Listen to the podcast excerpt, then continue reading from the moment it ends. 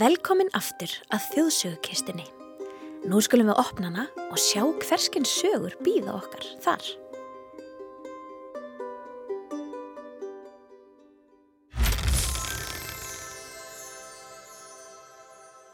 Fyrsta sagan er frá Nýgeríu og fjallar um ilmandi súpu. Næsta saga er um hinn norska Öskulatta sem fór í átkeppni við tröll og að lokum kemur saga frá Íslandi sem fjallar um dularfullan smið. En byrjum á þjóðsögu sérfræðinginum okkar.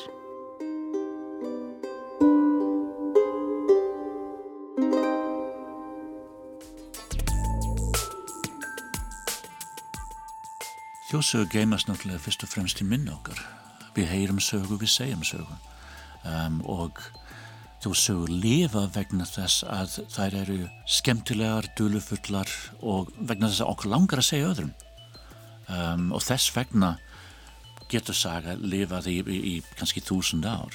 Saga eins og um, Djáknir Myrká, náttúrulega mjög vel sögð saga um, og, og grýpur okkur í hvers getur við heyrum hana. Ég heiti Terri Gammal og kenni þjófræði í Háskóli Íslands. Þannig að þetta eru sögur sem menn segja heldur en lesa oftast, þó að nokklega við höfum skrifað niður þjóðsögurna setna.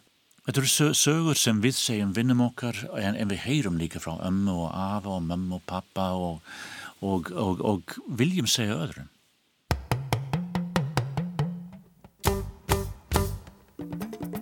Stólinn súpuilmur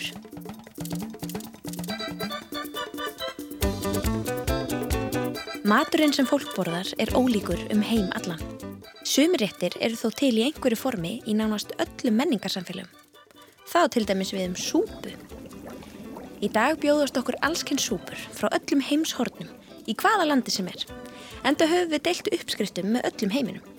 Til dæmis í kokkabókum og internetinu. Í gamla daga var fólk einangraðara með sína súpur. Á meðan Íslandingar borðiðu kjötsúpu var fólk í Japan til dæmis að borða núðlusúpur, ungverjar borðiðu gúlasúpur, frakkar laugsúpur, finnar bleikjusúpur og svo framvegs. Í Nígeríu er til súpa sem heitir egusi súpa. Hi guys, welcome back to my channel. In today's video, I'm going to be showing you how to make egusi soup using the frying method.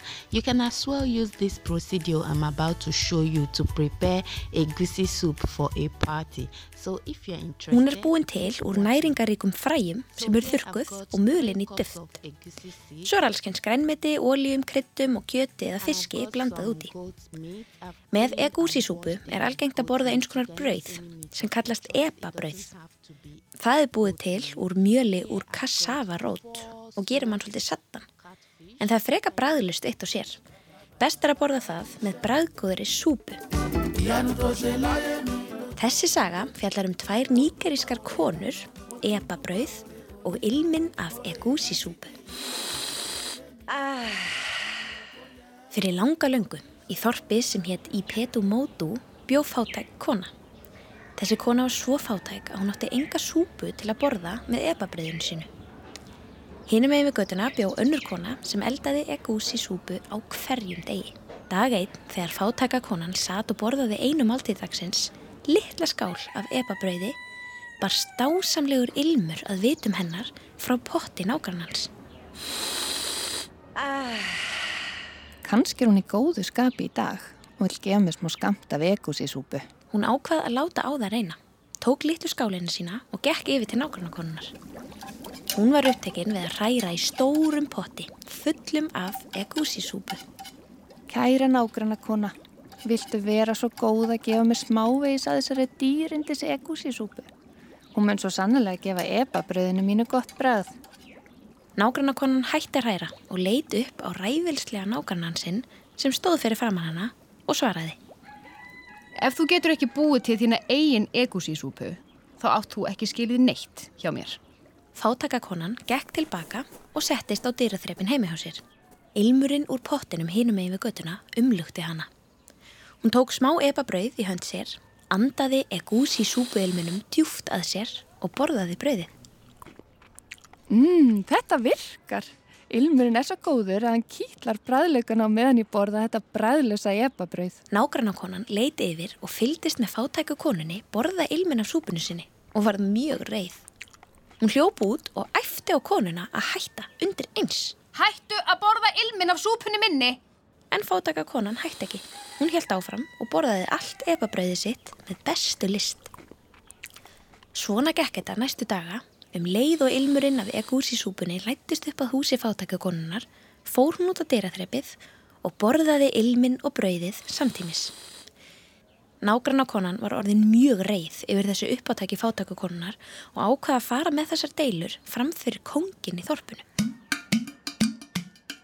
Þessi kona stelur ilminnum af egúsísúpunni minni og borðar með ebabrauðinu sínu.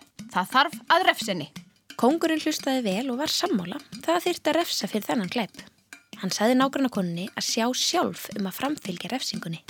Hún stál ilminniðinum. Í staðin skaltu hýða skuggan hennar. Þú skal taka vöndin og hýða skugga hennar 40 sinnum. Hún fekk stóran vönd svo hún gæti fengið fram réttlætið sitt.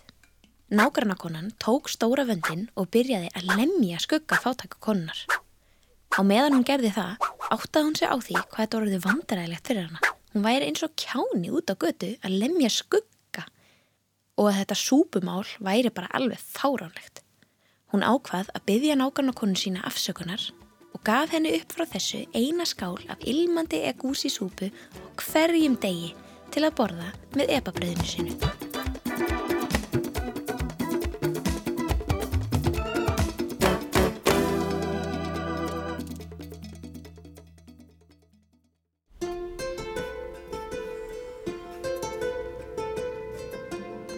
Þjóðsögursafnari er maður sem fer út með upptökutæki, fer melli manna og spýr til dæmis, hefur þú sögur sem, sem þú getur sagt mér, sem þú hefur heyrt frá öðrum. Menn eru búin að sapna þjóðsögur í, í cirka næstu hundra ár núna um, vegna þess að þjóðsögurna segja okkur hvernig menn sáu veröldin í kringum sig. Þannig að gamla þjóðsögur sína okkur hvernig veröldin var í gamla daga og líka það sem menn höfðu gaman af í, í gamla dag. Þetta er ekki eins og sög, sögubækur, þetta eru sögur sem sína veröld um, eins venjulega manns um, og, og draumar hans og langanir hans og allt sem honum fannst uh, spennandi að segja. Í næstu sögu heyrum við um þrjá bræður. Í síðasta þætti heyrðum við líka sögu um þrjá bræður, bakkabræður. Af hverju ætli að sé ofta eitthvað svona þrend af einhverju í sögum og æfintýrum? Hafið tekið eftir þessu? Gullbrábirninni þrýr, grísinni þrýr, geiturna þrjár. Hversun er þetta? Þrenningin er náttúrulega mjög, mjög gamalt í menningu okkar, sérstaklega, til dæmis í bandarækjunum hjá Indíunum þá eru fjórir, en hjá okkur er bara þrýr. Um, vegna þess að þetta er eins og þrýhyrning sem, sem, sem form, mjög fallegt form, einhvern veginn. En í sögum þá, þá oft er, er eins og stigmögnun, þetta fínleið að byggja upp um, spennu það eru um, þrýr krakkar til dæmis elsti bróður, um, millibróður og yngsti. Þannig að sá fyrsti reynir eitthvað að gera vittlaust og þá kemur það næsta ekki eins vittlaust en samt ekki nóg. Og þá kemur yngsti yngsti strákurinn, yngsti, yngsti stelpann sem, sem kann þetta. Og þetta náttúrulega er, er, er mjög fínt fyrir krakkan líka að heyra að eldri bróður hann kann þetta ekki. Ég er sá yngsti í fjölskyldunni og ég kann þetta Þannig að sögurnar æfintýri sérstaklega sína að, að um, sá yngsti kann allt og hefur, það er mjög það er hægt að gera allt sem maður vil og það er náttúrulega að sé skilabóðin líka. Þarf ekki að vera sá, um, sá, um, sá eldsti í fjölskyldunum til að gera hlutir. Strákurinn sem fór í átkeppni við tröll.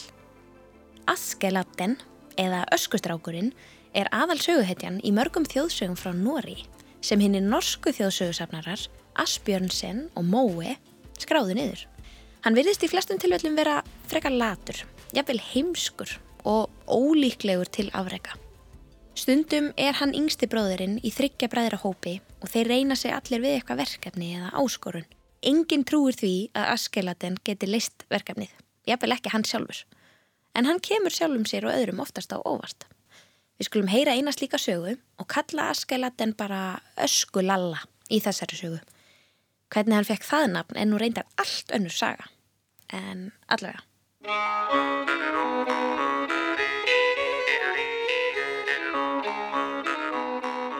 Einu sinni var fátakur bóndi sem átti þrjár sinni. Hann var orðin gamall á lúin og, og bóndabærin hans var farin að líta illa út. Sérstaklega sem drenginni voru latir og nendu ekki að lifta fingri til að hjálpa föður sínum með viðhald húsins eða önnu störf á bænum. Fadurinn reyndi stöðugt að virka sinni sína og gaf þeim einn daginn það verkefni að fara út í skó og högva eldi við til að selja upp í skuldir. Drenginni reyndi að koma sér undan verkefnu en sá elsti leta öndanum tilleiðast og, og lagðast át í skó. Þegar hann var komin djúft í skógin byrjaði hann að höggva eina litla og freka lúna grein. Hann endur nú ekki að gera of mikið. Allt í einu ruttist að honum stórt og kröftugt tröll. Ef þú ætlar að höggva trén í skóginum mínum, þá högg ég þig í spað, litli karl. Strákurinn hendi samstundis frá sér eksinni og hljóp heim eins hratt og hann gatt. Þegar hann kom heim, sagði hann föður sínum og bræðurum óðamála frá því sem gerst hafði. Is, tröllin hafa aldrei fælt mig frá því sem þarf að gera. Sagði pappin. Ég var aldrei hrættu við þau sem ungur maður og náði alltaf í minn eldi við. Dægin eftir fór næst elsti sonurinn af stað út í skó. Ekki lunga eftir hann hafði fundið tré og byrjaði að höggva, lættist tröllið aftan að honum og sagði hátt. Ef þú ætlar að höggva trén í skógi mínum, þá högg ég þig í spað, litli karl. Strákurinn þorði ekki einu svona lítum öxl, heldur hendi frá sér öxinni og hljóp heimálið. Þegar hann kom heim með skottið á milli lappana, þá var það fadir hans að reyður og saðist aldrei hafi hlaupið svona hrættur heim úr skóginum þó tröllin hafi reynd að ræðan. Á þriðja degi sagði yngsti sonurinn, öskulali, að hann vildi reyna sig við verkefnið. Þú? Sögðu eldri bræður hans. Þú hefur aldrei farið út fyrir húsins dyr. Gangið það vel. Hann hunsaði hæðnisorð bræðrana og bað móður sína um smá nesti til ferðarinnar. Það var ekki mikið mat á heimilinu en hún fann smá brauðsnið og ostbytta sem hann sett í bakbókan sinn og hjælt af stað. Ekki lungu eftir hann hafði fundið tré og byrjaði að höggva það, kom trölli fram og öskraði.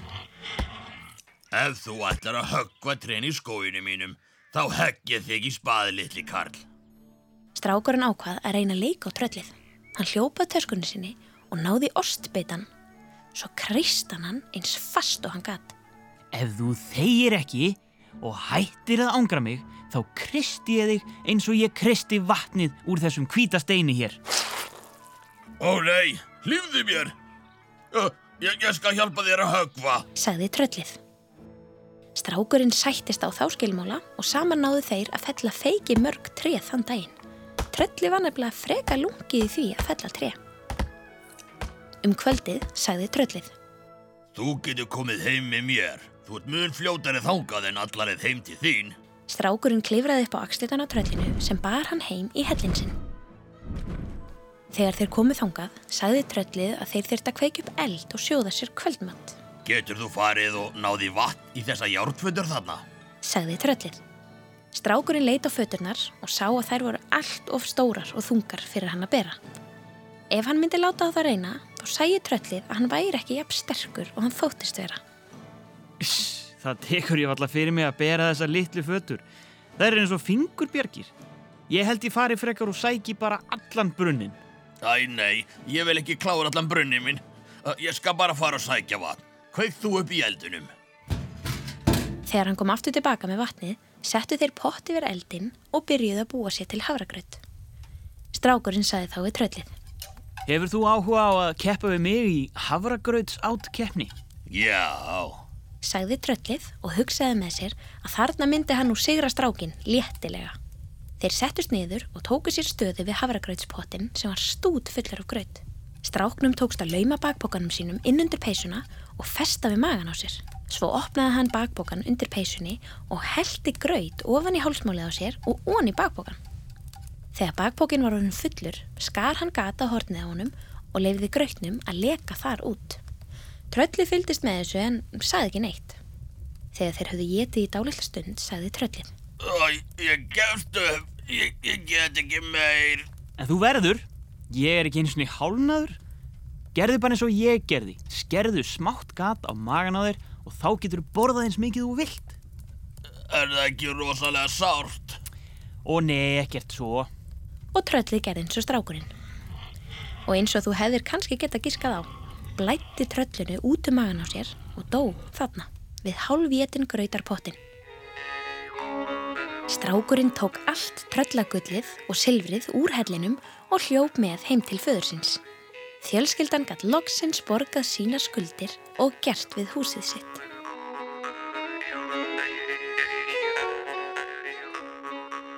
Það er mjög mikið líkt millir uh, sagna Íslendinga og sagna normanna og, og sérstaklega normanna og dana. Um, náttúrulega, við höfum samskonar rætur og í öllum þessum löndum þá eru sagnir um álfa og tröll og galdramenn og dverga og mismætti skrimsli sem býr í, í, í sjónum og um, nýkra til dæmis. Finnum að Breitlandi og Írlandi samskonarsögur að miklu leiti náttúrulega um, Íslendingar eru voru uppaflega sambland af norðmönnum og þrælum frá Írlandi og Skotlandi. Þannig að við finnum ymislegt þar líka. Og Írlandi eru sögur um fairies sem er eins og alvar okkar sumuleiti það eru sögur um selkonur og um, bara ímsa sögur. Um, en samt hvert svæði hefur sérkenni Hver var svona aðal íslenski þjóðsögursafnarinn? Jón Átnarsson var bókastafsfræðingur uppaflega um, og vann í bókastafni í, í, í Reykjavík og hann hafði mjög mikið áhuga á sögurna sem menn voru að segja í sveitinni á 19. öld og þetta voru sögur sem enginn hafði skrifað niður en allir voru að segja dag eftir dag og sögur sem voru náttúrulega að hverfa sumuleiti þegar gammalt maður degir og minningar hans hverfa Þannig hann vildi gera það sem menn voru að gera í öðrum löndum á þessum tíma að sapna saman sögurnar sem gamla fólki var að segja. Skrifa þessi sögur nýður þannig að, að við, við getum geimt og eins sagt enda á í dag sögurnar sem menn sögðu á þessum tímum. Þannig að hann hafði mjög mikið áhuga á því að, að, að skrá alla draumar og trúar og, sög, um, og, og sögur manna í, í, í sveitin á, á Íslandi á þessum tímum. Vandamáli hans var að hann var bókastafsfræðingur, hann, hann, hann var í Reykjavík, þannig hvernig ætti hann að sapna sögur þegar hann gæti ekki farið frí. Þannig hann fekk vinir hans og ættingjar í kringum landi til að sapna sögur og senda til hans og þá skrifaði hann niður og um, bjóð til bók. Kirkjusmiðurinn á reyni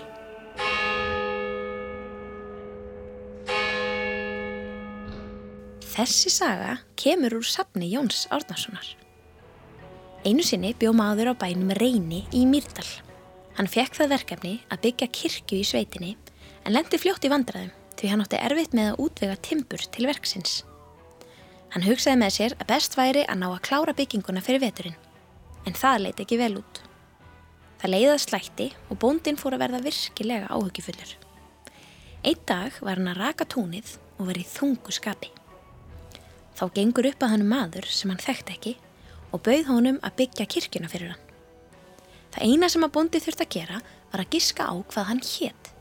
Segja honum nafn hans áður en smíðinni væri lókið. Ef honum tækist það ekki þá þurfti bondi að láta aðkomumannin fá engasón sinn sem var bara 6 ára gamal. Bondin gekka þessum samningi og aðkomumadur hóf strax handa við að smíða kirkjuna. Hann talaði ekki við neitt, heldur einbeitti sér bara að smíðinni í marga daga. Bonda þótti þetta taka óvinnilega stuttan tíma og þegar leiða sláttarlókum var kirkja næstu því tilbúin. Hann fór að ókýrast því hann hafði ekki enn haugmynd um hvað dularfulli smiðurinn hétti. Leiðað hausti og smiðurinn var að leggja loka hönd á kirkjuna. Bondi ráfaði í örvæntingum sveitina og reynda að hugsa einhverja leið til að komast að nafni hans. Hann lagðist á hólun okkur, lokaði augunum og hugsaði um þetta fram og aftur. Allt í einu heyrði hann kveðið í hólnum þessa vísu.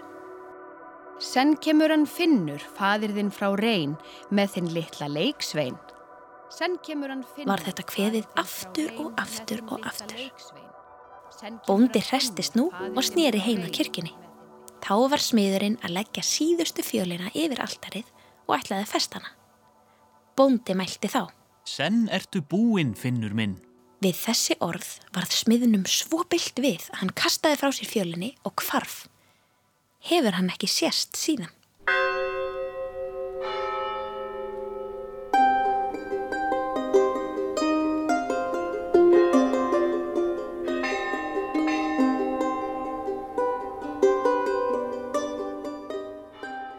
Þá erum við búin að heyra alla sögur dagsins og komast að því hvað þjóðsögursafnarar gera. Ætli það sé hægt að starfa við þetta? Já, við komumst allavega ekki lengra í þetta skipti. Við skulum loka þjóðsögukistunni. Ef þeir langar að heyra einhverja sögu aftur sem þú heyrðir hér í dag eða hlusta fleiri þætti, farðu þá inn á krakkarúf.is í spilaran eða á aðrar hlaðvarp sveitur. Þangar til næst, takk fyrir að hlusta.